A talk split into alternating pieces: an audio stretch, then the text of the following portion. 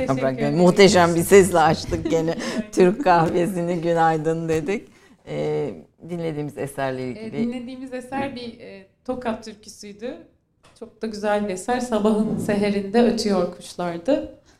E, sen Sabah Tokat'tan oldu. geldin. Evet, onun etkisiyle galiba bunu okumak istedim. Ee, Tokat'ta bir medresede efendim Yaprak Sayar, Furkan Esrioğlu ve bir ekip. Güzel bir de ekip İstanbul Üniversitesi'nde içinde oldu.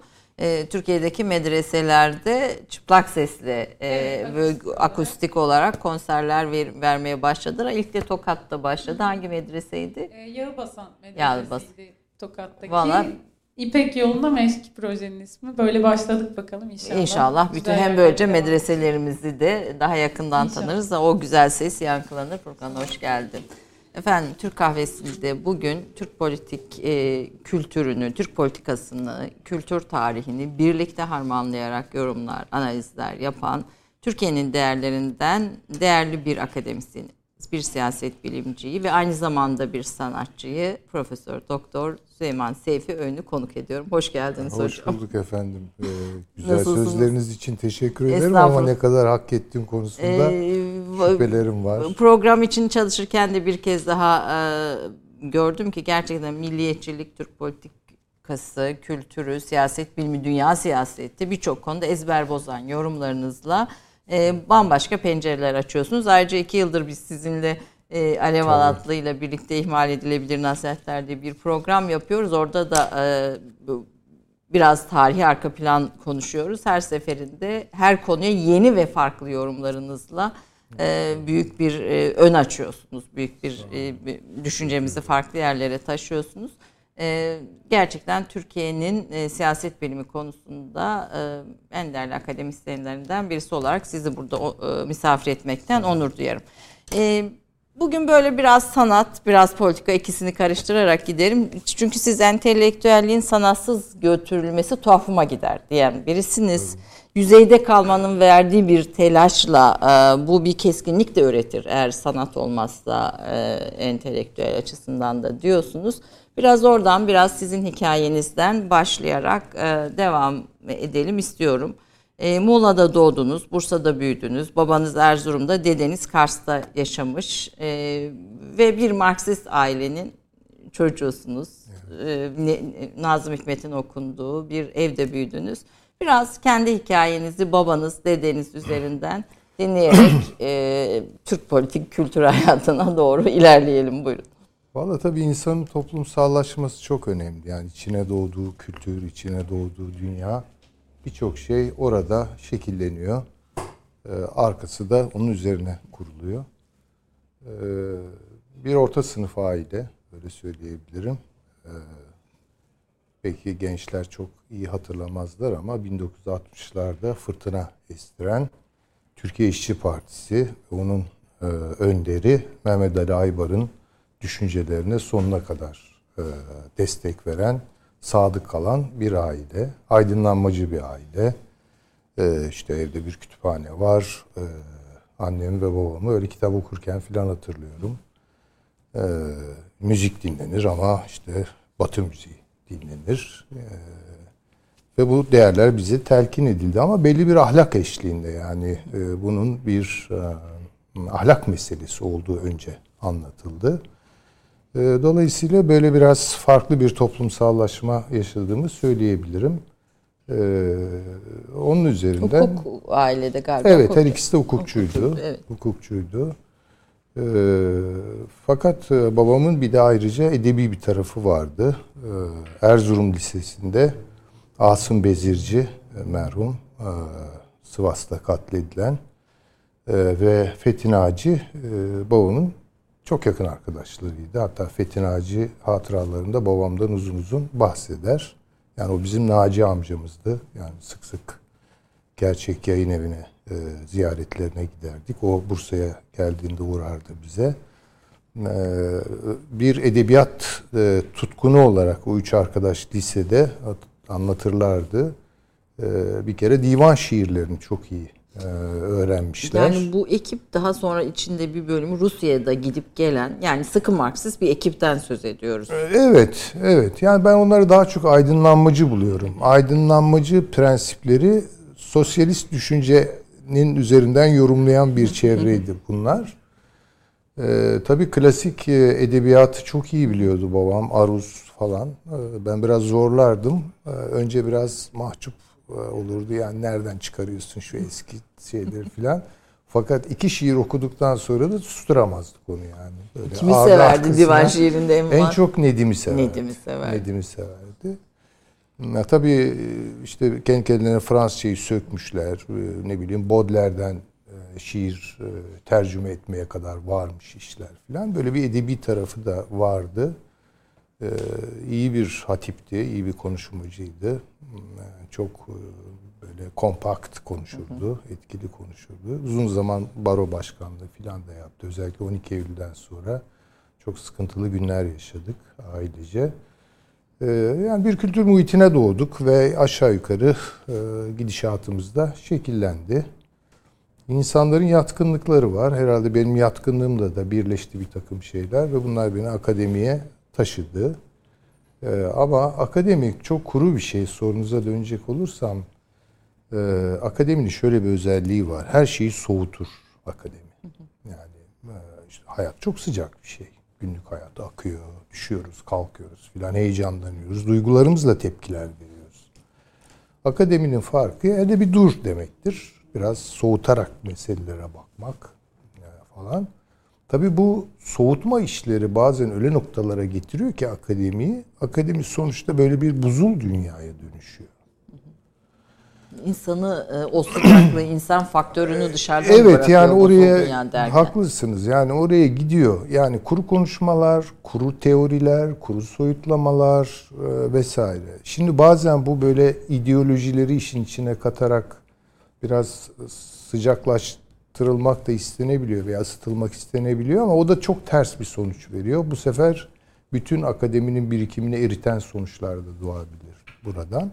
Bence çıkış yolu e, biraz da akademisyenlerin sanatla buluşmasıdır. Yani eğer akademik e, dünya biraz daha e, böyle yan uğraş, ek uğraş olarak sanatlarla ilgilenirse tüketici anlamında değil ama ya ben müzik dinliyorum diye değil. Yani biraz içine girerek herkesin istidatları e, e, nispetinde Yani sanatçı olması Evet yani sanatları içinden biraz tecrübe etmelidir akademikler. Şimdi bunun örnekleri var. Mesela Richard Sennett bilirsiniz yani Evet, Amerikalı evet. bir cellisttir bu adam. Yani hatta kolu bir kaza geçirmese bayağı bir e, virtüöz olma noktasına kadar da e, gidebilecekti. Fakat o cello'nun ona öğrettikleriyle hayata bakışı, insana bakışı, kültüre, meselelere bence çok iç içe. farklı. Evet yani onun için hani ben yeni yetişen arkadaşlarıma da e, onu tavsiye ediyorum. Kabiliyetiniz nispetinde bir takım sanatlarla veya zanaatlarla uğraşın. Yani ne geliyorsa elinizden onu bir yapın. E, yani siyaset bilimi öğrencilerine aynı zamanda Elbette, da birer tabii. sanatçı olmaları Muhakkak, gerektiğini söylüyorsunuz. Muhakkak yani beşeri bilimlerle ilgilenenlerin yani doğa bilimleri dünyasına yabancıyım. Çok tanıdığım yok oralarda ama e, insan bilimleri diyebileceğimiz bir alanda çalışanların mutlak surette bence bir zanaatla veya sanatla ilgilenmesi lazım. Tarihçi ise özellikle ki e, mutlaka klasik sanatlarla. Siyasetten hiçbir zaman hoşlanmadım ama siyaseti merak ettim hep diyorsunuz. Ee, Anadolu Lisesi, Marif Koleji eski ismiyle ve ondan sonra e, siyaset e, alanında ilerliyorsunuz. Sizi bu buraya sevk eden hani bu evin bu dinamiği miydi? Yani sonuçta yani Türkiye İşçi Partisi kökenli bir aileden gelmek ki e, o Türkiye'nin o koşullarında idealist bu aile aynı zamanda E, e, biraz ilerlemeci tabii doğal olarak başka Evet. bir dünya. E, e, yani bu mu sebep oldu yoksa böyle daha farklı o arkada olanı dair merakınız mı e, sizi ne yöneltti siyaset? Yani bilimine? siyasetin tabii sıcağı beni e, önce çarptı. Yani her şey çok sıcak orada. Dolayısıyla e, o sıcak dünyada olup bitenlerin e, getirdiği sonuçlar önce dikkatimi çekti. Yani çok büyük siyasal projelerin, çok iddialı siyasal projelerin bedelleri çok ağır olmuş. Bunu gördüm. Mesela diyelim ki Anatole Fransa okuyorum. Yani Fransız devriminin bu dünyada insanlığa ödettiği bir bedel var. Yani bir kazanım da muhakkak vardı ama bir de bedel var. Bu işin getirisi ve götürüsü arasındaki açık, Rus devrimi aynı şekilde, ee, beni çok çarptı. Yani Rusya'yı kurtarmak, insanlığı kurtarmak, işçi sınıfını kurtarmak gibi iddialarla başlıyorsunuz.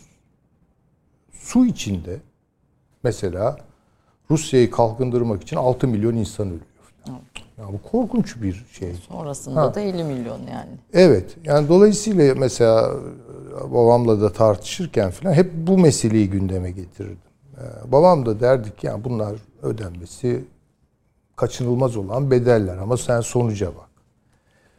Ee, tam o sıralarda Albert Camus'u keşfettim ve onu okudum. Ve tam bana ilaç oldu. Çünkü o maliyetleri konuşuyordu.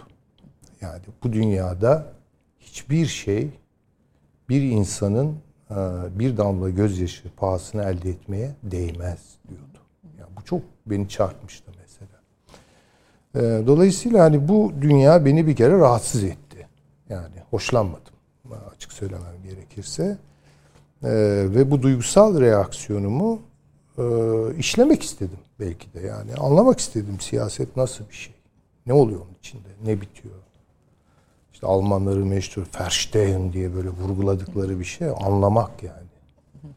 Ee, bu beni akademiye taşıdı Ee, ve onun içinde işte ömrümüz nispetinde bir şeyler yapmaya çalıştık. Anlamaya dair yani yoksa e, çok hoşlandığım bir dünya olmadığını her zaman söylüyorum. Anladığım şeyler de diyorsunuz. Çok Çok tabii, çok, tabii. hoş değil. E, siyasete biraz geleceğiz. İlk doktora e, tezinize Türkiye'de cemaatçilik, milliyetçilik ve Nurettin Top cemaatçi ve milliyetçilik ve Nurettin Topçu e, Evet. teziniz. Onun üzerinde biraz konuşacağız. Biraz da Türk siyaseti üzerine. Milliyetçilik üzerine ağırlıklı çalışmayı, Türk milliyetçiliği üzerine çalışmayı da ayrıca seçtiniz. Çünkü Türkiye'de bu sahada çalışan da çok az insan var. Evet. E, bunu neye bağlıyorsunuz hocam? Yani, Şimdi o- yani sizin bu çalışmalarınız bu noktada son derece öncü çalışmalardı. Evet.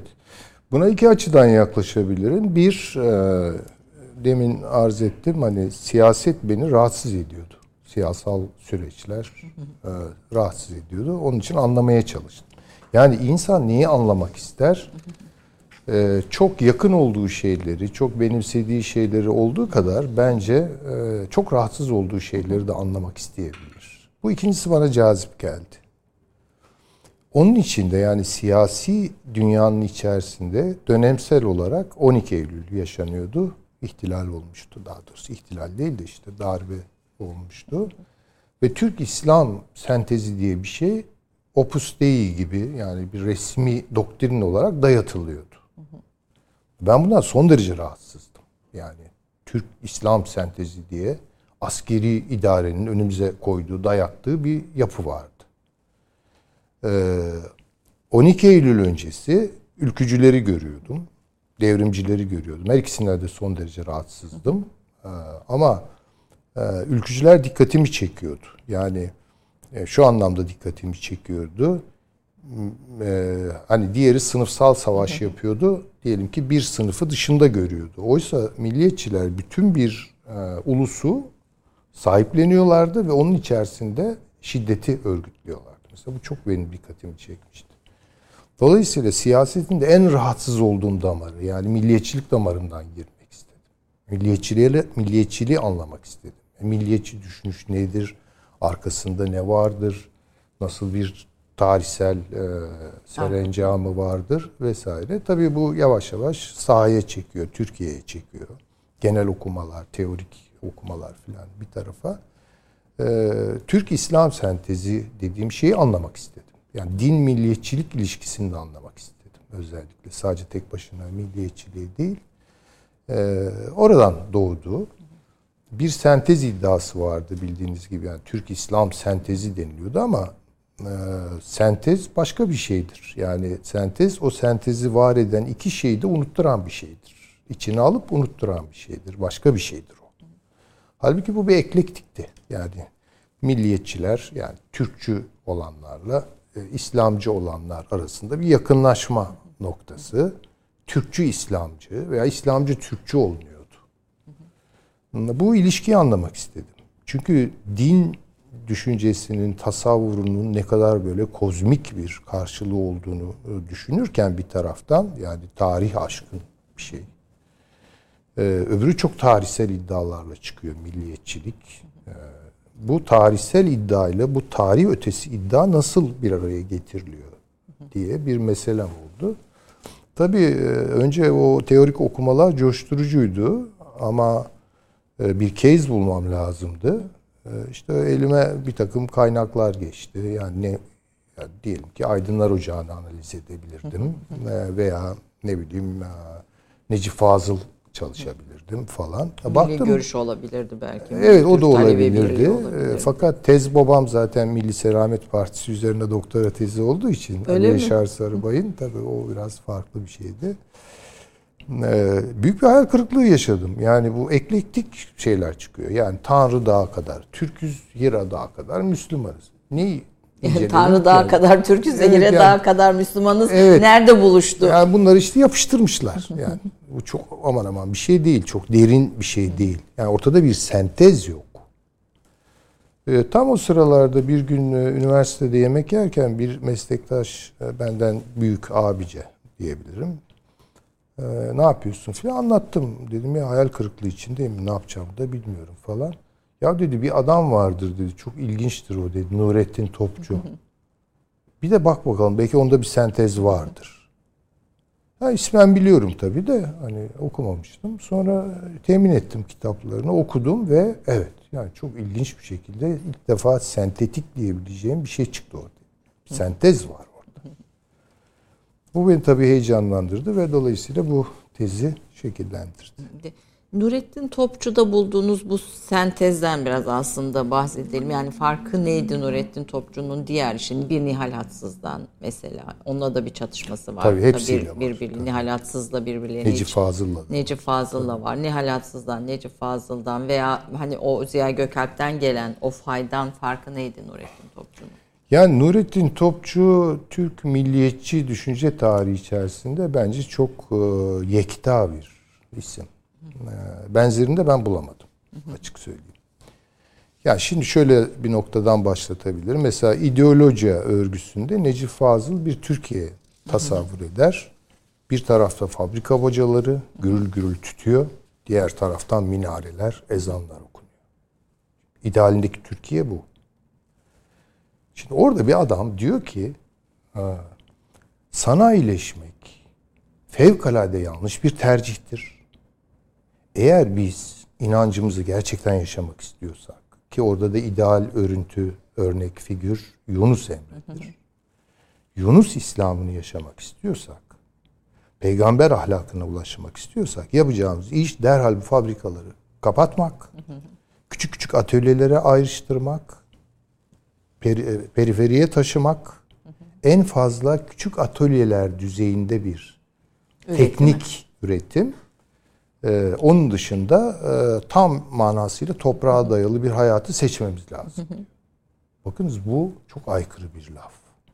Çok aykırı bir iddia. Yani ilerleyelim, kalkınalım, fabrikalar kuralım diyen bir Kişiyi Kişi. e, bir yaygın bir- ana bir akım ana hatta düşünceye sol ve sağ ikisi de aynı İkisi de tabii tabii pozitivizm çünkü bu ta Jön Türklerden beri Ahmet Rıza Bey'den beri falan girmiştir bizim hayatımıza ve Türkiye'deki bütün bir ideolojik kavgaların altına baktığınız zaman güçlü bir ortaklık pozitivist damarı keşfedersiniz. Yani e, Türkiye'de sol ve sağ'nın e, kapasitesi açısından ortak noktasını pozitivizm olarak Tabii, tabii. e, bütün Tabii, tezlerinizde ve bütün eserlerinizde altını çizerek söylüyorsunuz. Tabii. Yani çok kuvvetli bir pozitivist damar var. Yani maneviyat e, kısmı e, Ona yapıştırılmış bir şey olarak gelir. peki. İşte o çelişkiyi görüyor. Bunların e, zamk kabul etmez taraflarını ortaya koyduğu için Nurettin Topçu e, çok radikal bir düşünüş yani daha doğrusu aykırı bir düşünüş. Yani şimdi düşünebiliyor musunuz? 1940'larda, 30'larda hatta e, 50'lerde, 60'larda falan diyeceksiniz ki derhal sanayileşmeyi durduralım. Şimdi ben bunu bugün söylesem beni herhalde Bakırköy'e falan yollarlar yani. Ve bunu da işte Osman yurt dışında Fransa'da e, Sorbonne'da eğitim görmüş. Evet. Doktorasını yapmış filan birisi söylüyor. Evet. Bir aydın söylüyor. Evet. Şimdi ben daha sonra mukayeseli bazı çalışmalar yaptım. Yani mesela Rus modern düşünce tarihini inceledim. Ee, İran düşünce, modern düşünce tarihini inceledim. Çok şaşırdım. Çünkü Rusya'da çok kuvvetli bir e, anti-endüstriyalist e, sanayileşime karşıtı bir damar var. Yani işte Tolstoy bunun Bir bir bir evet. numarası yani. Bu sanayileşmeyelim diyordu. Aksakov geriye dönelim. Mihailovskiler, Danielsonlar vesaire neyse. Ve İran düşünce tarihinde de yüzde elli yüzde ellidir sanayileşmeyelim diyenler. diyenler tabii. Çok kuvvetli bir damardır. Fakat Türkiye'ye geliyorsunuz bir kişi çıkıyor karşınıza sadece. Ya bu da mesela Türk toplumunu daha iyi anlamam açısından bana faydalı oldu. Pozitivizm tartışma kaldırmıyor Türkiye'de. Herkesin ittifak ettiği bir İttifak. Ya hatta daha ilginç bir şey söyleyebilirim. Ee, 1990'lardan sonra yani duvarın yıkılmasından sonra böyle bir anti pozitivizm rüzgar esti. İşte modernleşme eleştirileri falan. Ee, onların bile pozitivizmle prensipiyel, ilkesel bir hesaplaşması olmadığını gördüm. O da tüketimde çıktı çünkü. orta yeri.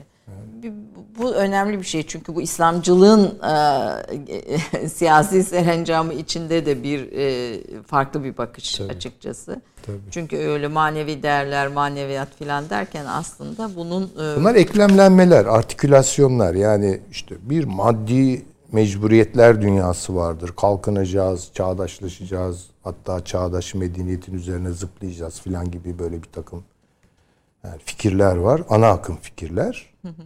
Sızlananlar var ama ya bu modernleşme de bizi çok üzdü falan. Ay ne oldu değerlerimiz kayboldu falan diyen böyle bir İlber Ortaylı'nın dediği gibi cami kenarı mızmızcılığı var yani böyle bir şey var. Ama samimi değil bu yani. Ee, bir de çok az yani. İşte dediğim gibi cılız bir damar var e, Türkiye'de. İşte bir tanesi ilginçtir. Nurettin Topçu'dur. burada e, bu, e, dinsel milliyetçilik de bu tezinizin içinde yer Tabii, alıyor tabii. aslında. Yani dinsel milliyetçilik dediğiniz şey ne konu kavram ne? Yani bu da bir e, eklemlenme meselesi. E, eklektik bir şey yani daha doğrusu. İşte bence onun en güzel metaforik karşılığı Hira Dağı, Tanrı Dağı ilişkisidir. Bu bir söylemdir. Şimdi çok ilginç. Türk siyasal kültüründe söylem fikri boğar. Yani biz çoğu kez bir söylemi fikir zannederiz. Şimdi belki bazı dostlar e, bana e, alınabilirler ama mesela çok büyük şairlerin bizde tefekkür etmesi böyle bir şeydir. Şair adam yani o duygu dünyasından meselelere bakıyor. Zaten zihni onun böyle fırınlı bir zihin, yanıyor yani. Orada fikir türetiyor. Çok tabii tuhaf şeyler çıkıyor. Ama altına baktığınız zaman o söylemi dağıtıp yani ne diyor bu adam diye baktığınız zaman hiçbir şey kalmaz elinizde. Buharlaşır gider. Cılız şeylerde, tutarsız falan. Böyle bir şey var. Yani tefekkür etme işi, yani düşünme işi, evet dediğim gibi çok disiplin gerektiren, metot gerektiren, kavram gerektiren ve çok soğuk bir evren. Benim tespitim odur ki yani bunu biraz sulamak, biraz Sıcaklaştırmak, yani biraz sanatla, belli bir kültürle. evet muhakkak ama orada ölçüyü tutturmak lazım. Çünkü kaptırırsanız özellikle poetik dünya giriyor, şiir giriyor. Şiir sahibi adam fikir sahibi iddiasıyla çıkıyor. Tipik örneği Necip Fazıl'dır. Ve Necip Fazıl'ın fikir dünyasına baktığınız zaman yani o söylem müthiş parlak tabii. Çok etkileyici, retorik. Ne diyor? İşte cami minareleri, fabrika bacalarını ya. Aman ne manzara yani. Bu mu yani? Değil mi?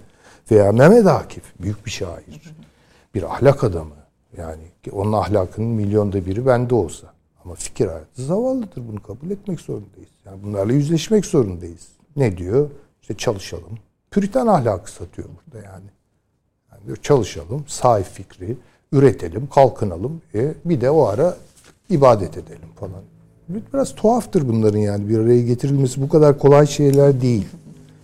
E, bir tarihi tabii e, okurken tarihi ezberlemek veya yüceltmek veya kutsallaştırmak değil, olduğu gibi kabul etmek. Evet, tabii tabii. tabii. Bu, bu söyledikleriniz Yani o metotla ilgili bir şey Ayşe Hanım. Hani nasıl ifade edeceğini insanlar bunu da çok iyi bilemiyor. Belki ben de bilmiyorum. Ama mesela objektif olalım. Hayır. insanlık durumlarında objektif olunmaz. Yani doğaya karşı objektif olursunuz. Doğa zaten nesneler yığınıdır. İnsanlık durumları, human conditions denilen şey, öyle ben e, objektif bakıyorum derseniz çok az şey görürsünüz. O zaman ne yapmak lazım? Ya tarafsız diyenler, tarafsız bakalım. Belki yani biraz karşılıyor. Değer dışı bakalım. İşte Weber'in metodu, value laden dediği şey. Moral değerler. E, Ben şöyle bakmayı tavsiye ediyorum yani kendime de e, eş dosta da. Yani mümkün olduğu kadar değerlerimizin baskısından arındırarak anlamaya çalışalım. Yani çünkü anlama e, meselesi biraz değer marifetiyle, sahip olduğumuz değerlerin marifetiyle değil de biraz e, içeriden anlamak denilen bir başka bir mesele. E, değerler karışınca bir şeyi yargılamakla bitiriyoruz. Bitiriyorsunuz. Yani bir şeyi zaten anlamak istemiyorsanız yargılayın. Yani Nietzsche bunu söyler yani anlamama isteğinin ya da anlama isteksizliğinin en keskin örneği yargılamaktır. Anlamak istemiyorsanız Yargılayın tabii, zaten. O kolay iş yani. Peki. Bunu yapmayalım ve bu, bu biz de e, bu, bu söyleşi bu güzel söyleşiye devam edelim. Gördüğünüz gibi Süleyman Hoca'nın en önemli e, özelliklerinden birisi de müthiş Türkçesi kullandığı kelimeler ve kavramlarla. Efendim e, kısa bir ara, kısa bir aradan sonra politik kültür ve sanat ikisini bir arada e, mezzettiğimiz programa Türk Kahvesi'ne devam ediyoruz. Bekliyoruz efendim. Profesör Doktor Süleyman Seyfi Öğün 1959'da Muğla'da doğdu. 1977 yılında Bursa Anadolu Lisesi, 1983 yılında Uludağ Üniversitesi Kamu Yönetimi, İktisadi ve İdari Bilimler Fakültesinden mezun oldu. 1985'te Uludağ Üniversitesi'nde araştırma görevlisi olarak çalışmaya başladı. İstanbul Üniversitesi Kamu Yönetimi Sosyal Bilimler Enstitüsü'nde yüksek lisans, Uludağ Üniversitesi Sosyal Bilimler Enstitüsü'nde doktora çalışmasını tamamladı. Doktorasını Nurettin Topçu'nun siyasal düşüncesinde popülizm, milliyetçilik etkileşimi teziyle verdi. 1993'te doçent, 1998'de profesör ünvanını aldı. 2010-2015 yılları arasında Maltepe Üniversitesi İktisadi ve İdari Bilimler Fakültesi Uluslararası İlişkiler ve Avrupa Birliği Bölümü öğretim üyesi olarak görev yaptı. Hala İstanbul Ticaret Üniversitesi İnsan ve Toplum Bilimleri Fakültesi öğretim üyesi olan Profesör Doktor Süleyman Seyfi Öğün'ün çalışmaları, siyasal düşünceler, siyaset felsefesi, siyaset bilimi, politik kültür ve milliyetçilik konularında yoğunlaştı. Profesör Doktor Süleyman Seyfi Öğün'ün yayınlanmış kitapları şunlardır. Türkiye'de cemaatçi milliyetçilik ve Nurettin Topçu, modernleşme, milliyetçilik ve Türkiye, politik kültür yazıları, süreçler, kişiler, mukayeseli sosyal teori ve tarih bağlamında milliyetçilik, Türk politik kültürü, gündelik hayatın kültürel yansımaları, politika ve kültür ve Profesör Doktor Ali Yaşar Sarıbay ile birlikte yazdıkları politik bilim.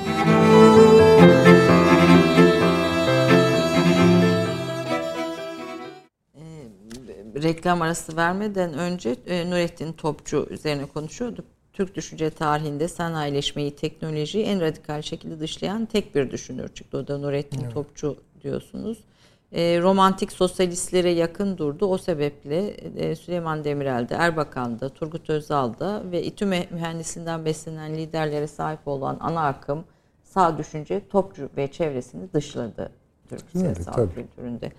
Ee, bir şey buraya da bir hani katkınız olsun isterim. Ee, buna ilave olarak da e, İsmet Özel'i de örnek veriyorsunuz Tabii. bu çerçevede. Ve Buna da bir açarsanız Yani o. Nurettin Topçu'daki bu mesele daha sonra İsmet Özel'de de bu işte üç mesele üzerine eee, geniş bir biçimde ele alınıyor, tartışılıyor.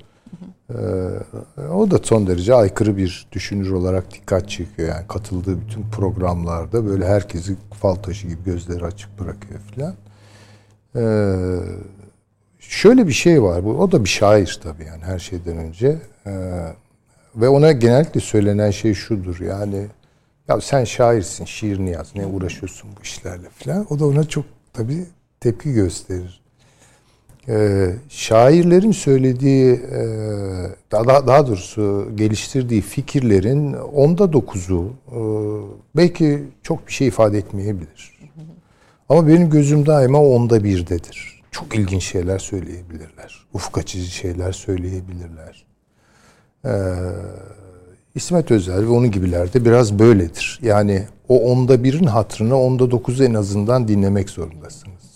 Ve onda biri beklemek zorundasınız. Bu e, hani demin belki biraz fazla eleştirel tuttuğum şiir düşünce ilişkisini e, biraz revize eden bir e, bakış olabilir.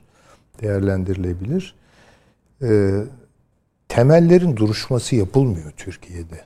Biliyorsunuz böyle bir laf vardır değil mi? Temellerin duruşması. Ya, açar mısınız biraz? Yani şu. Mesela ontolojimizi tartışmıyoruz. Yani bu memlekette yaşayan insanlar eşyaya nasıl bakıyorlar? Eşyayla nasıl bir ilişki kuruyorlar? Ee, gök kubbeyle nasıl bir ilişki kuruyorlar? Yıldızlara bakınca ne görüyorlar? Falan. Mesela bunlar çok önemli şeylerdir.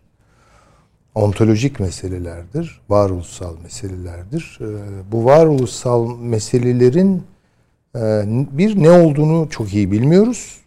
Ee, Türk ontolojisi nedir? Yani Türkler bu topraklarda nasıl bir e, ontolojiye, varoluşsal dünyaya sahiptir? Başkalarıyla ilişkisi nedir? Doğayla ilişkisi nedir? Falan bunları hiç konuşmuyoruz biz. Ya çok eğriti geçiştiriyoruz.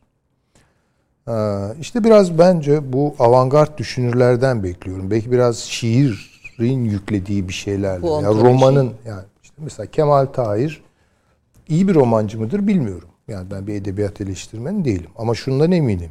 Kemal Tahir roman üzerinden düşünüyor. Ve roman ona öyle bir takım e, sezgi e, yüklü buluşlar getiriyor ki sonuçta bir tez çıkıyor ortaya. Bazen böyle bir şey oluyor. Veya işte ortak dostumuz Alev abla. evet. Yani Alev Alatlı'nın müthiştir yani bu açıdan. Ee, Yani siz yer yer söylüyorsunuz Alev e, Hoca e, bir romancı olarak ben böyle düşünüyorum dediğinde siz de bir siyaset bilimci olarak ben bunun üzerine düşüneceğim. Tabii Bu başka bir yani. bakış tabii diyorsunuz. Ki, tabii ki. Yani işte burada da konuk aldınız herhalde. Mustafa Özel Evet. dostumuz. Yani mesela romanı bu İktisat açıdan tarihini. ta- evet. Yani hiç akla gelir mi iktisadi doktrinler tarihini romanlar üzerinden okumak? İşte Balzac'ta ekonomi neydi? Paraya nasıl bakıyordu. Çünkü hakikaten e, öngörü geliştirme ayrıcalığı var edebiyatların. Şiirin, romanın vesaire. Bunları onun için çok önemsiyorum tabii ki. Çok çok önemsiyorum ama bu şu demek değil. hadi yürüyelim şairlerin peşinden gidelim falan o, o değil. Dediğim gibi riskleri de vardır yani. O akademik dünyanın buzul dünyasını e, şiirle, edebiyatla e, insanı içine katar hale getirmek. Getirmek lazım, İnsanileştirmek mi diyelim? biraz, Evet yani o çok doğru. Yani bu objektivizm yani sana- e, bilimde nesnelcilik meselesi en sonunda her şeyi o kadar nesnel kıldı ki yani ruhsuz bir dünyanın tahlilleriyle yüz yüze kaldık falan. Böyle değil. Halbuki işin içinde insan var. Ekonomiyi mesela düşünelim Ayşe Hanım. Yani bugün ekonomi deyince ne anlıyor insanlar? İşte faiz oranları, altın fiyatları, bilmem borsa şu bu. Yani sanki içinde insan yok. Yani bir takım işlemler var yani. Bu kadar nesnelleşmiştir ekonomi ve ekonomi olmaktan çıkmıştır. Çünkü e, insandır ekonomi tarihi. Yani insanın tabiatla mücadelesidir, e, değer üretmesidir, çilesidir, e, mesaisidir, alın teridir falan bunlar yok. Kazançlarıdır, kayıplarıdır. Yeniden merkeze bilimlerde insanı, beşeri bilimlerde adı üzerinde insanı merkeze koyabileceğimiz aletler geliştirmemiz lazım. Siz bunu hatta biyoloji içinde söylüyorsunuz. Yani bir insansızlaşan bir biyoloji. E, Oraya doğru gidiyoruz. Evet, Yani aydınlanma diye başladık, bilim diye başladık. Değil mi? evet. En son işte teknik teknolojiye dönüştü, teknoloji sibernetiğe dönüştü, dijital aleme taşındı falan. Hepsi insanı dışlıyor. Sonuçta yani tarihimizin öznesi olmuyoruz, nesnesi oluyoruz. Yani kendi ürünlerimizin bir anlamda Kölesi. bağımlısı, kölesi gibi bir şey oluyoruz. Halbuki onlar aletti değil mi? Halbuki yani- İnsanı tekrar sosyal bilimlerde merkeze çekmek E, lazım. tabii, Nurettin Topçu orada. bahsini e, burada e, bir, bir ara vermek istiyorum yani. Buyurun. Bir Türk politikası, Türk politik kültürünün temel e, taşları neler? Yani sağ ve sol diye biz genel olarak bir ayrıma gidiyoruz. İşte Türk siyasal tarihini okurken bir sağ var, bir sol var ama e, siz e, sanırım Türk politik kültür kitabında İdris Küçük Ömer'den de yola çıkarak aslında sağ zannettiğimizin sol, sol zannettiğimizin sağ olduğunu da söylüyorsunuz. E, yorumlarınızda biraz e, onu açmak istiyorum ama onun öncesinde böyle bir sanat molası gene iç içe bir sanat arası. Klasik Türk müziğiyle ilginiz ne düzeyde onu bir sormak istiyorum. Çünkü bir de neyzen Ee, tarafınız var. Estağfurullah. Yani bir kere e, Türk Osmanlı Türk müziği diyorum. Ben bazılarının dediği gibi Türk sanat müziği falan demiyorum. Osmanlı Türk musikisi e, bana işte o ontolojinin ne olduğunu düşündürten, kavratan bir pencere açtı. E, mutlu tesadüflerle yöneldiğim bir uğraş e, hiç beklemediğim sonuçlar getirdi. Sadece ondan büyük bir heyecan duymam, zevk duymam filan bu gibi şeyler ayrı. E, bir de bana e, bir bakış kazandırdı. Onun için e, yaptığım en isabetli tercihlerden biridir. E, Buradaki tabii Yaprak Hanım gibi, e, Furkan gibi bir kabiliyete sahip değilim musikide. Sınırlı bir kabiliyetim var ama onu sonuna kadar götürdüm. Ne? O üniversite bir galiba neye Evet başlamamız? neye başlamam? Ee, işte uzun zaman böyle sağda solda arayışlar falan. Ee, en tabii önemli Ömer Erdoğdularla tanışmamdır. Kuyumcu Neyzen. Ee, buradan da kendisine selam ediyorum ellerinden öpüyorum. Ondan işte faydalandım. Daha sonra işte e, gene e, büyük bir talih olarak görüyorum büyük üstad e, Niyazi Sayın'la tanışma şerefini elde ettim. 5 sene e, çeşitli aralıklarla e, onun devlethanesinde sohbetlerini dinledim. E, Kayıtlarını tabii yani artık ezberledim yani o derecede. Ondan müthiş bir fayda sağladım ama tabii öyle bir noktaya geldi ki Niyazi Hoca'nın söylediklerinin benim kulağımda karşılığı yoktu artık. Öyle perde tarifleri falan yapıyordu ki siz biliyorsunuz adı yok yani. Böyle mi hocam? Yok öyle değil. Yani işte biraz daha dik. Ee, işte mahur mu? Dik mahur mu? Yok. Ne dik mahur ne mahur. Yani bunlar tabii çok e, dedim ki ya buraya kadar. Bundan sonra İdrakim. artık bırak bu işleri. Ee, onun için e, öyle bir takım e, hakikaten ne diyelim o Türk Yani- müziğinin e, biz klasik e, ba- Batı müziğin Türk müziğinde Türk beşleri diye biliyoruz. Siz onlara karşı yeni bir Türk beşleri Tabii Türk söylüyorsunuz. beşlerini söylerim. yani bunun bence işte son 50-60 sene e, Tambur'da Necdet Yaşar'dır. Neyde Niyazi Sayın. Kemençe'de İhsan İhsan Özgen. E, Kanun'da da Erol Deran'dır. Yani, Ut'ta da Cinüçen Bey'i söylerim. Yani ve bu bir beşlidir. Gerçek Türk beşlileri onlardır. yani bildiğiniz Sazda onlardır yani. Ee, bu e, müzikle ve özellikle Türk müziğiyle tanışmanız, Osmanlı Türk müziğiyle tanışmanız sizin zihin dünyanızda da bir değişime e, sebep oldu mu? E, Her şeyi alt üst etti. E, öyle diyebilirim. E, ben yani Batı eğitimi görmüş bir e, tabii gençlik ardından tabii yani e, hala bir 200-250 e, long play'lik diskoteğim duruyor. duruyor. Duvar bayağı kıymetlidir kitabım, onlar. Tabii kıymetlidir. Onları böyle çılgın gibi dinliyordum o zamanlar ve Türk müziğini çok küçümsüyordum. Yani fakat yurt dışında bir e, öğrenci yurdunda aynı odayı paylaştım. Bir Alman bir gün sordu bana Türk müziği nedir? Dedim çok ilkel tek sesli böyle bir müziktir falan. Adamın gözleri fal taşı gibi açıldı ya. Sen dedi neler söylüyorsun yani bir müzik hakkında ilk defa böyle laflar duyuyorum ben dedi. Bu kadar dedi yargılayıcı. Ya ama dedim öyle. E peki dedi güzel müzik neymiş? İşte Bach'tır, Beethoven. E tamam dedi sizde yok mu dedi yani müzik. Bu beni çok şaşırtmıştı. Ee, daha sonra Türkiye'ye döndüm. Ee, Bir tesadüf bir gün kahvede bir arkadaşımı bekliyorum. Böyle televizyon siyah beyaz dönem açık. Daha sonra e, merhum Ekrem Vural olduğunu öğrendiğim bir ney taksimi. Ama garip bir tecrübeydi o. Yani ilk defa müzik benim kulağıma girmiyordu sadece. Yani bütün damarlarımın içinden dedim Allah'ım ne yapıyorum ben yani? Bu nasıl bir şey? İlk defa böyle bir his yani. Ee, sonra arkadaşım geldi ona söyledim. Ya dedi sen mi ben mi? Ben de öyle. E, ne yapalım dedim. E, öğrenelim dedi. Onu. Kolay bir şeydir herhalde dedi. Basit bir şey böyle. Kaval yani. Öyle başlayan bir serüven. Sonra tabii içine girdikçe, girdikçe, girdikçe e, hala o Alman'dan söylediklerim yüzümü kızartır. E, Zaten Türk müziğin yani Osmanlı Türk müziğinden başka çok az müzik dinleyebiliyorum. Yani Şu an sadece Osmanlı Türk Ha, müziği. tabii ki.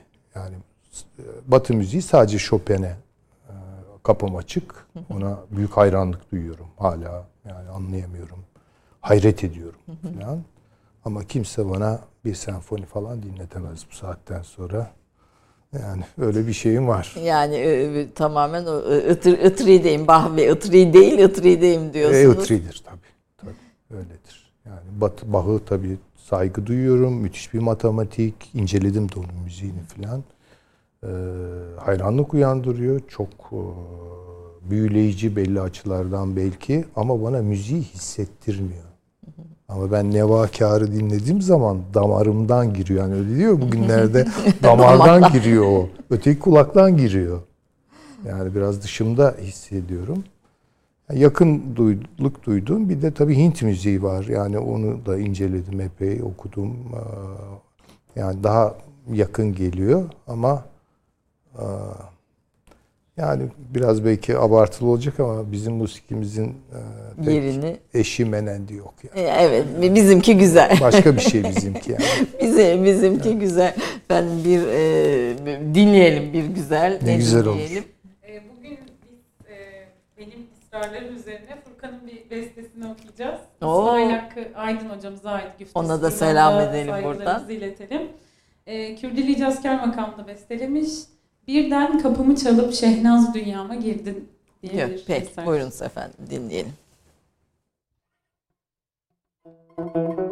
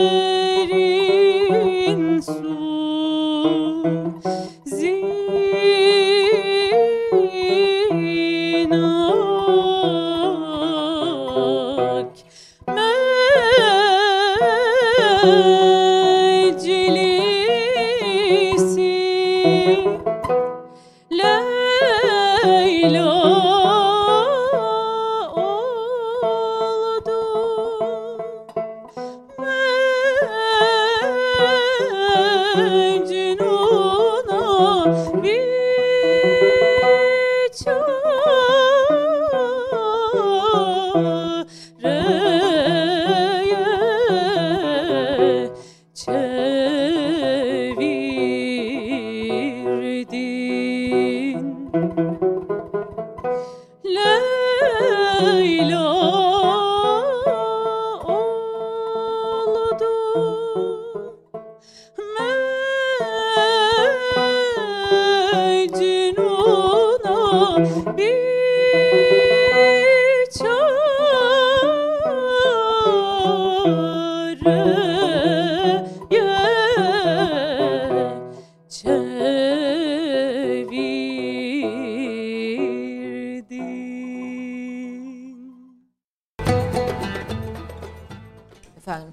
Kahvesinde siyaset biliminin öncü isimlerinden birisi Profesör Doktor Süleyman Seyfi Öğün'le birlikteyiz. Aslında biraz sanat, biraz politik bilim üstünden söyleşimizi devam ettiriyoruz.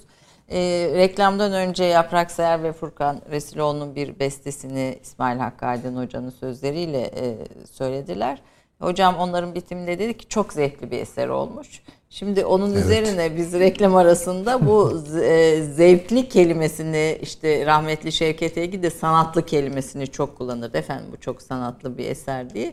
Onun yerine bugün alan keyif aldım ifadesi ne kadar cılız olduğunu konuştuk hocam.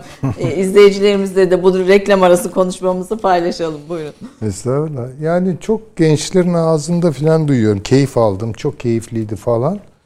Ya bu biraz bana yeni bir şey gibi geliyor. Yani ben öyle bir şey duymamıştım gençliğimde falan. Bu laf edilmezdi pek. Yani keyif verici maddelerden bahsedilirdi. Tehlikeli bir alandı. Ee, sonra düşündükçe çıkıyor. Ee, zevk ile keyif arasında bir fark var. Yani key, bizi keyfe götüren şeyler anlık e, çok kolay e, bir şeyleri içimizde uyaran e, ve gelip geçen şeyler. Daha anlık e, meseleler e, ve hazlarla ilgili, zevklerle ilgili değil. Çünkü zevk dairesi başka bir şey. Ee, kanaatimce e, zevk e, elde edilen bir şeydir. Yani Emekli. emekle. Yani zevk geliştirilir. Keyif geliştirilemez. Yani zevkinizi geliştirdiğiniz nispette hayatınız biraz büyür, zenginleşir vesaire. Bakınız mesela insanlar bugün en çok ölmekten ve kısa yaşamaktan korkuyorlar.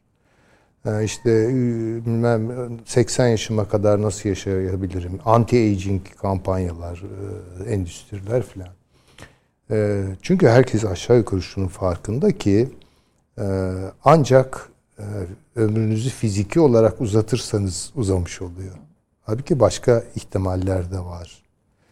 Zevklerinizi geliştirdiğiniz nispette ömrünüzü çoğaltmanız mümkün. E, Latin ozan Petrarchus e, bir gün bir arkadaşı geliyor ona kaç yaşındasın diye soruyor yani. O da şöyle bir düşünüyor. Benim diyor biraz cebirim zayıftır falan. Ya diyor ne yapıyorsun yaşını sordum yani. Bir çırpıda cevaplaman lazım. Yok diyor bu benim için kolay bir soru değil. Niye diyor? Ee, son okuduğum kitap Homeros'un İlyadası demek ki diyor 1300 sene buradan 1500 2500 yaşında filanım diyor yani. Bunun gibi değil. bu işte e, hakikaten ne kadar zevkimizi geliştiriyorsak o kadar çok yaş- yaşamış oluyoruz. Yoksa fiziki çöküşe mani olacak bir şey henüz çıkmadı yani. Evet. Onu yani, oralarda uzatmalara oynamamak lazım. yani mesele bedende değil başka yerde. E, orada çoğalıyoruz. Orada emekte, evet e, büyütüyoruz üretimde. hayatımızı. E, Türkiye'de bir mesel zümresinin olmadığını söylüyorsunuz bir yazınızda şimdi buradan çağrıştırarak. Yani ince işlerden zevk alan, birikim sahibi bir zümre oluşmadı. Koleksiyonerlik, müzecilik gibi alanlara yatırım yapanlar, e, maddi varlık sahibi çevreler yok değil. Ama bu donuk bağlar yeterli değil. Mesellik ilişkisi kurulmalı, e, geliştirilmeli diyorsunuz. E, bir- bunu da böyle bir kısa bir e, buna da bir açılım getirin. Ee, bir zevk erozyonu yaşadığımız ortada herhalde. Yani Şerif Mardin hocamız söylerdi. Yani işte Osmanlı'nın 600 senelik bir e, zevk birikimi, incelik birikimini Cumhuriyet karşılayamadı. Yani bunu kabul etmek zorundayız.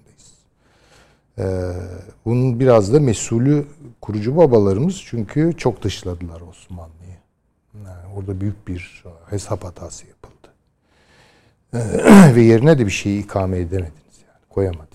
Ee, e, ama o ara Türkiye'nin bir maddi e, ne diyelim refah tarihi, zenginleşme tarihi filan da yaşandı iyi kötü. İşte biraz elimiz ayağımız düzgün hale geldi. Yollarımız oldu, köprülerimiz oldu, inşaatları yapıyoruz vesaire. Zenginler türedi. Yani bir birikim de yaşandı. Fakat baktığınız zaman tam bir e, yani buna parvenu der Fransızlar sonradan görmelik falan değil de tam bir e, ne diyelim ona e, kabalık hakim oldu.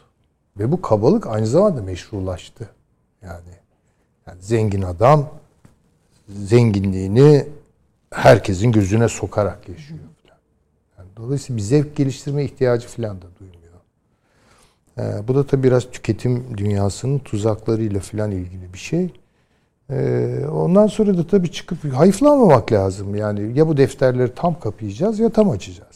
Ama yine de zevk sahibi bir zümrenin oluşması için E, çok olması geç- gerekirdi gerekir. ama çok e, bence trenler kaçırıldı oralarda Evet. yani. Belki burada yine de bir imkan çıkar diyorum. İnşallah. Cumhuriyet'in kuruluşundan da söz ettiniz. Şimdi bu Türk e, politik tarihine yön veren sağ ve sol kavramları hani bunların özünde ikisinin e, ortak birçok noktası olduğunu söylüyorsunuz. Toplumculuk bunlardan birisi, işte pozitivizm bunlardan birisi. İnsana, topluma, devlete bakış noktasında da birçok ortak noktaları olduğunu söylüyorsunuz. Bir bunu biraz açın isterim. Bir de Cumhuriyet seküler bir yapı, laik bir devlet olarak kuruldu. Fakat Sünni Müslüman bir kültür omurganın üzerinden e, yükseldi. Yani politikaların onun üzerinden e, oluşturdu. Burada e, laik bir ulus devletin içinde bu kültür omurgasının e, gelişimini ve ortaya çıkarttığı fay hatlarına bir açılım getirir misiniz? Yani batıda sol sağ dediğiniz zaman bunun iki anlamı vardır. Ee, sağ yatırımcıdır. Bölüşmeyi sevmez. Yani Sol da bölüşümcüdür. Yatırımcılıktan çok hoşlanmaz. Yani bölüşüm ve yatırım fonksiyonlarına göre bunlar ayrışır. Merkez sağ, merkez sol. Maceracılar ayrı. Onlar dışarıda. Türkiye'de sağ ve sol dediğiniz zaman işler karışır. Yani orada batının karşılıklarını beklemeyelim. Yani daha çok siyasal vehimler olarak işler. Yani kendini sağcı zanneden insanlar vardır Türkiye'de. Solcu zanneden insanlar vardır. Ne sağcımız sağcıdır ne solcumuz solcudur. Bunu söyleyelim. Başka parametreleri var. Ee, o da tabi biraz zihin dünyasında dolaşmakla ilgili. Yani bu bir kültürel ayrımdır bizde. Bir ontolojik ayrım olduğunu düşünüyor musunuz? Bir ontolojik bakış ya da ne diyelim? Yok. e, Bence aynı insanların kültürel olarak aynı havuzdan çıkmış insanların farklı tercihleri var. Ama çıktıkları havuz aynıdır. Onun için ben kültür tahlillerine yöneldim. Yani çünkü kültür tahlilleri farklılıklar içindeki süreklilikleri görmemizi sağlıyor. Çok farklı zannettiğimiz şeylerin çok yakınlaştığını görüyoruz. Bu çok heyecan verici bir şey. Onları yakaladığınız zaman heyecan duyuyorsunuz. Ee, Bunlar birbirlerinin aynalarında birbirini var etmiş ee, İki akıl. zümrelerdir tabii. Mesela o ortaklıklar neler? En kuvvetli ortaklıkları bence ortak paydaları e, pozitivizmdir dediğim gibi. Bu çok kuvvetli bir damardır. E, Bu konu çok çalışılmış bir şey değil. Yani solun ve sağın benzerlikleri çalışılmış bir şey değil. Halbuki bence çalışılması lazım. E, Bir başka benzerlikleri çok kuvvetli cemaatçi vurguları vardır bunların. Kimi Toplumcu organik diyelim belki. bir Efendim? taraf. Bir toplumcu belki burada biraz Ya belki öyle de olabilir. denilebilir Evet. ama organik e, Gemeinschaft vardır yani. Bu sınıf düzeyinde çıkar. Sınıf kavramı çok kısmi bir kavramdır. Bizim solcularımız sınıf kavramını halkla ikame ediyor. Halk belirsiz bir şeydir yani. Birine millet der, başka bir organik sağ bunu kullanır. Millet der, milliyetçilik yapar filan bunun üzerine. Organik tezlerdir onlar. Öteki de sınıf kavramını halk üzerinden organikleştirir. Fakirler, yoksullar, aşağıdakiler. Kim bunlar yani belli değildir yani. Halbuki benziyor yani. İkisi de to- toplulukçudur. İki Halk- Çapçılık tezini de kurgusal e, bul- bulduğunuzu söylüyorsunuz. Tabii tabii öyledir zaten. Öyledir. Fakat şuna belki e, bakmak gerekiyor. Ben bu, bugünlerde özellikle onun üzerinde biraz duruyorum. İşte sizin de bulunduğunuz belli zeminlerde tartışmaya açmak istiyorum. Aşağı yukarı bir 23 24 tez geliştirdim zihnimde. Şimdi onların içini doldurmaya çalışıyorum. Bir kere bu cumhuriyet meselesini çok iyi anlamış değiliz. Sorunuzun ikinci kısmıyla ilgili. Mesela şöyle bir söylemle ben çok karşılaştım. Ya bunlar nasıl cumhuriyetçilerdi ki yani bu işte Mustafa Kemal Paşalar falan. Cumhur diyorlardı, cumhuru istemiyorlardı. Ha. Halbuki öyle mi olur? Cumhuriyet kapılarını cumhura açar. Hayır efendim, açmaz. Çünkü cumhuriyetçiliği bilmiyorlar. Şimdi ben bu republikanizm üzerine yaptığım okumalarda hep onu gördüm. Hatta bunu Alev ablayla filan da tartıştık hatırlıyorsunuz. Cumhuriyet, e, cumhura, cumhuru adresler ama çağırmaz. Cumhuriyetçilik Yani kendine davet etmez. etmez. Cumhuriyetçilik dar bir cumhur kavramına sahiptir. Onlar seçkin, öncü, kurucu insanlardır. Yurttaşın ideal tipleridir. Ve ancak şunu söylerler, e, büyük kütlelerin cumhurun bir parçası olması için belli tornalardan geçmesi, yurttaş yapılması lazımdır. Yani yurttaşlık kültürü yaygınlaştıkça, buna dayalı olarak bireyler üreten ve vergi veren varlıklar haline geldikçe, eğitim tarafından yontuldukça yurttaşlaşırlar ve cumhura dahil olurlar. Bu ama böyle doldur boşalt yöntemiyle olmaz. Halbuki cumhuriyetçi fikri incelersek Mustafa Kemal Paşa'nın ve etrafındaki o kurucu heyetin çok isabetli, gerçek bir cumhuriyetçi gibi davrandığını görürsünüz. Tabii ki e, köylüleri Haydarpaşa'dan İstanbul'a cumhuriyetçi. Amerika'daki Federalist Papers yani cumhuriyetçi şeyler, Jefferson'lar, Hamilton'lar falan tezlerini okuduğunuz zaman büyük bir korku vardır. Ya bu Amerika'ya dolmuş ne idüğü belirsiz adamlar geliyor. Yani bunları şimdi Cumhur'un parçası yapacak mı? Aman kotalar koyalım işte şunu yapalım bu yana. Ve Mücadeleye bakın cumhuriyetçilerle demokratlar arasındadır ve hala cumhuriyetçi düşünüş kitlelere şerh düşer. Titizdirler. Duvar örer yani. Duvar örer. Genel oy hakkı yenidir. İngiltere'de bile yani 1930'lardadır yani. Ben sana diyor oy verme hakkını veriyorum. Yurttaş olarak tanıyorum ama önce vergi şeyini getir bakayım bana. Sen ne kadar vergi verdin? Şunun altında verdiysen de daha yurttaş olamadın. İş böyle işliyordu sistem. Bu tipik cumhuriyetçi fikirdir. Fransız devrimcileri cumhuriyet dediler, halk dediler, devrim yaptılar. Halka verdiler mi yönetimi? Terörle bitti ve Jacobenlikle bitti. Bu kaçınılmaz bir şeydir. Onun için bence cumhuriyetçilerin burada hiç suçlanmaması lazım. Fakat cumhuriyetçiliğin kırılgan tarafı şudur. Şimdi aristokratlara karşı bir mücadele verdiğiniz için eşitlik diyorsunuz.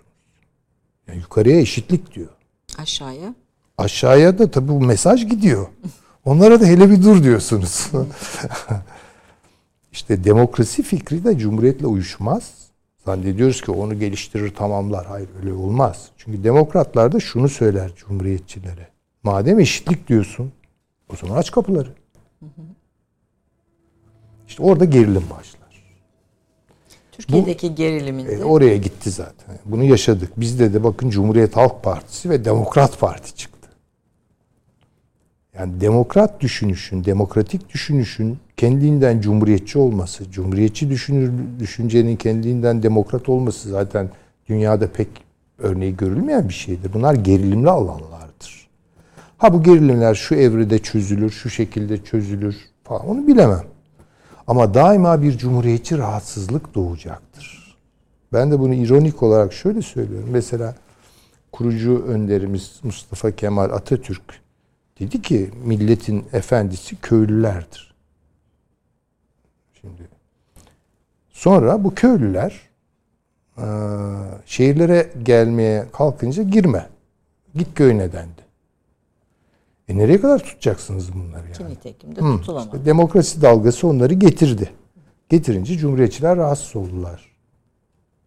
Bu ne bu köylüler şehirlere geldi işte Maltepe sahili dolduruyorlar, mangal yapıyorlar bilmem ne. E tabi kaba saba adamlardır bunlar. Tabii göbeğini kaşıyan adam Tabii göbeği ama de, öyle dememiştin miydiniz? Köylü. Milletin efendisi köylülerdir. E o zaman git efendinin elini öp. Ya böyle gerilimler yaşanıyor. Bunların çözümü kolay değil. Bakın bugün Amerika'da da aynı gerilim tırmandı. Yani Trump sonuçta demokrat bir adamdır. Cumhuriyetçi Parti'ye mensup olmasına rağmen çünkü Cumhuriyetçi Parti dönüştü. Demokrat Parti ise Cumhuriyetçi Parti haline geldi. Yani değil mi? Onlar ya bu kaba saba e, Midwest'li adamlar, Bible Belt adamları nereden geliyorlar? Kongreyi bastılar, vandallar falan değil mi? Aynı Evet, şey. evet tabii. Yani göbeğini kaşıyan adam orada da Aynı, var. tabii, orada Ha. da var aynı. Bu gerilimler yaşanır. Onun için doğru okumak ve doğru tayin etmek lazım. Yani cumhuriyet meselesiyle demokrasi meselesi aynı şey değildir. Ee, Türkiye'ye Batı fikirlerinin taşıyıcılar üzerinden e, geliyor zaten bir takım onları taşıyıcılar var. Bu gerilimin bir ucunda da bu taşıyıcıların etkisi yok mu? Taşıyıcılar, aktarıcılar manasında Evet, mı aktarıcılar söylüyorsun? yani. Efendim tercüme akıllar işler orada. Acentalık sistemi işler. Bu partilerde de böyledir, akademilerde de böyledir. Ee, Erbakan'ın öyle bir sözü vardı. Montaj sanayi falan diye. bir şey. Montaj sanayiyizdir biz. Biz parça başı çalışırız. Önümüze modeller Fikirlerde de böyle Fikirlerde de böyledir. Yani orijinal olma olmak için orijinal olunmaz. Ama kimse düşünmüyor ki yani Auguste Comte Fransa'yı düşünerek sosyolojisini kurdu. Weber Almanya'daki gözlemleri üzerine sosyolojisini inşa etti. Ya bunun milliyetçilikle bir ilgisi yok. Milli zaten olmak zorundasınız. Çünkü gözlemlediğiniz çevre burasıdır. Ama siz kalkıp Kanada'da üretilmiş bir takım modelleri Türkiye'ye dayatmaya falan olmuyor. O bilim falan olmuyor tabii. Acenta işi oluyor o işler. E, mo- moda akımlara dönüşü aklımızın teoriyle sınırlandırılma sınırlandırıldığını, onun yerine çözüme odaklanması gerektiğini hani hemen hemen bütün yazılarınızda söylüyorsunuz. Yani fikirle, teoriyle sınırlayan e, bir e, şeyden söz ediyorsunuz. Bir bakıştan, bir zihniyetten. Yani bu fi- fikre mahkum olmak Türkiye'den Türkiye'nin çıkması gerektiğini de söylüyorsunuz. Yani çok Bir fikirci tarafı bir fikirsizlik tarafımız. ama bir tarafı da bu tabii. Evet yani fikirsizlik üzerine üretilmiş fikirlerle e, cedelleşip duruyoruz. E, çok severim o Sidney Pollack'ın bir filminde geçer. E, bir Amerikalı e, serden geçtiğiyle bir e, Kübalı komünist kadının aşkı. İşte kadın fikirlerden filan bahsediyor. Kadın adam da dinliyor Amerikalı anlamıyor. O çok pratiktir ya Amerikalılar. Ama sonra bir yerde çok güzel bir laf ediyor. Biliyor musun diyor çok haklısın bunlar çok güzel fikirler. Yalnız bir şeyi bilmiyorsun. Fikirleri yaşayamazsın. Yaşadığın çok güzel şeylerin ise zaten bir fikri yoktur. Ortada. evet. bu, bu, bunu, bunu, bu. E, yani evet biraz öyle bakmakta fayda var ama çözümcü değilim. Yani ben Türkiye'ye hiçbir zaman reçete önermedim. Hiç e, ilgilenmedim o gibi şeylerle. E, Ama Dücane'nin güzel lafı vardır. Dostumun hani biz çöz, çözümleyiciyiz. Çözümcü değiliz yani. yani doğru söylüyor. Evet. Anlamaya çalışıyoruz. Anladıklarımızı anlatıyoruz. Hepsi bu. Ee, bu sol ve sağ e, iktidar ve muhalefete geldiğinde onların politik kültürlerine nasıl yansıyor? Yani ikisinin ortak noktaları, farklılıkları. Ee, efendim bir de iktidar... bir, de bir soru daha sorup Buyurun. ikisini birleştirin isterim. Milli irade kavramının fetiş anlamını en derinden işleyen kişi Demirel'dir. E, milli irade ve demokrasi umutlarını örtüştüren e, bir siyaset biçiminden söz Tabii, ediyorsunuz. Resmiyete tapınmaktan söz ediyorsunuz. Bunun sonunda e, geldiği yerde. Bir de yeni muhafazakarlık meselesine de farklı bakıyorsunuz. Bütün bunları böyle bir e, Hepsine birden cevap verebilecek miyim bilmiyorum Olduğu ama kadar diyelim. yani şöyle söyleyebilirim. Ee, e, Süreçler iktidar süreçleri. Yani bir kere iktidar ilişkilerini anlamaktan geçiyor. Ee, Bu hem mikro düzeyde, günlük hayatımızda, karı koca arasında, arkadaş grupları arasında daima bir iktidar ilişkileri kuruluyor.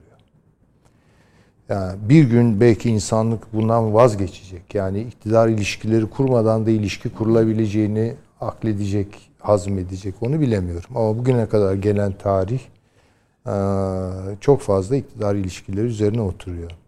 Problem bence şurada. Kaynaklarınız kıtsa iktidar ilişkilerinin kuruluş tarzı çok sert oluyor. keskin oluyor. Evet çok keskin oluyor. Kaynaklarınızın bolarması bunların düzelmesinin garantisi değil. Ama bir fırsat sağlar. Kıt kaynaklar üzerine veya m, belki rasyonel kullanılmayan kaynaklar üzerine kurulan iktidar ilişkileri daima haşin, kaba sonuçlar üretiyor. Yani bu böyle.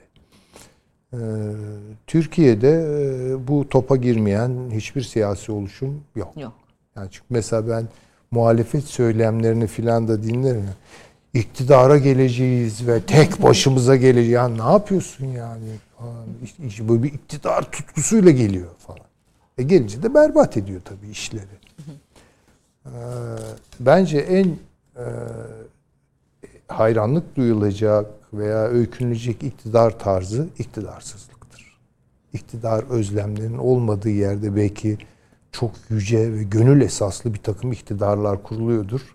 Ama onların bir hayli uzağındayız. Yani bu Onu topraklar bilgeliğe hürmet eder ama bilgeliğe hürmet eden Evet yani bizim topraklarımız bu açıdan mümbit ama onlardan çok uzaktayız. Çok çok uzaktayız.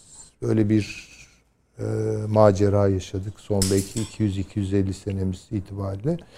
Ama ben bunların gene hayırlı sonuçlara gebe olduğunu düşünüyorum.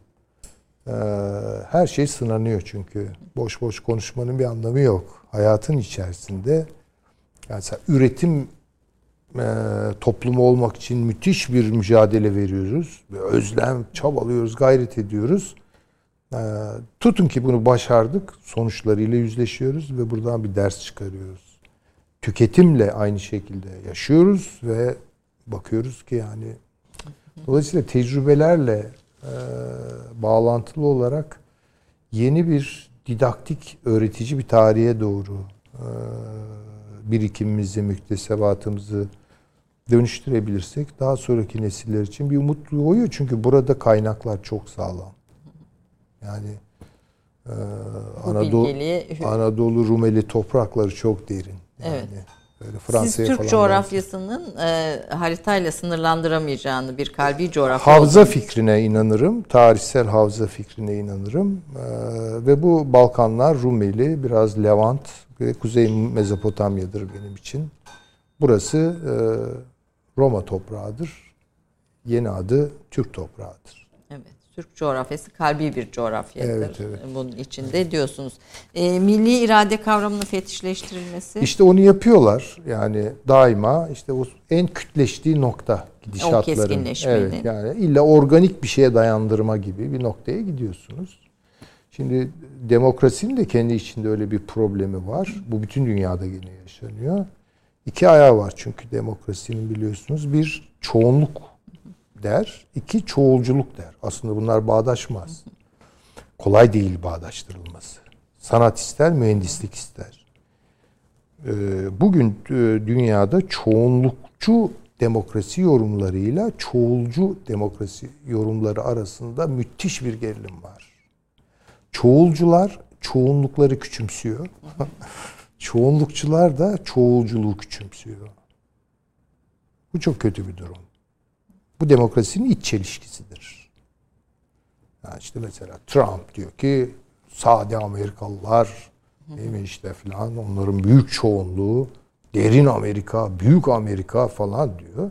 E bu New York'taki adamlar için yani orta sınıf e, işte bireyselleşmiş tipler için ürkütücü bir sonuç getiriyor filan.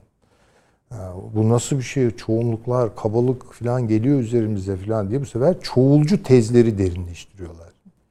Bu ikisini birleştirmedikten sonra demokrasi olmaz ki zaten.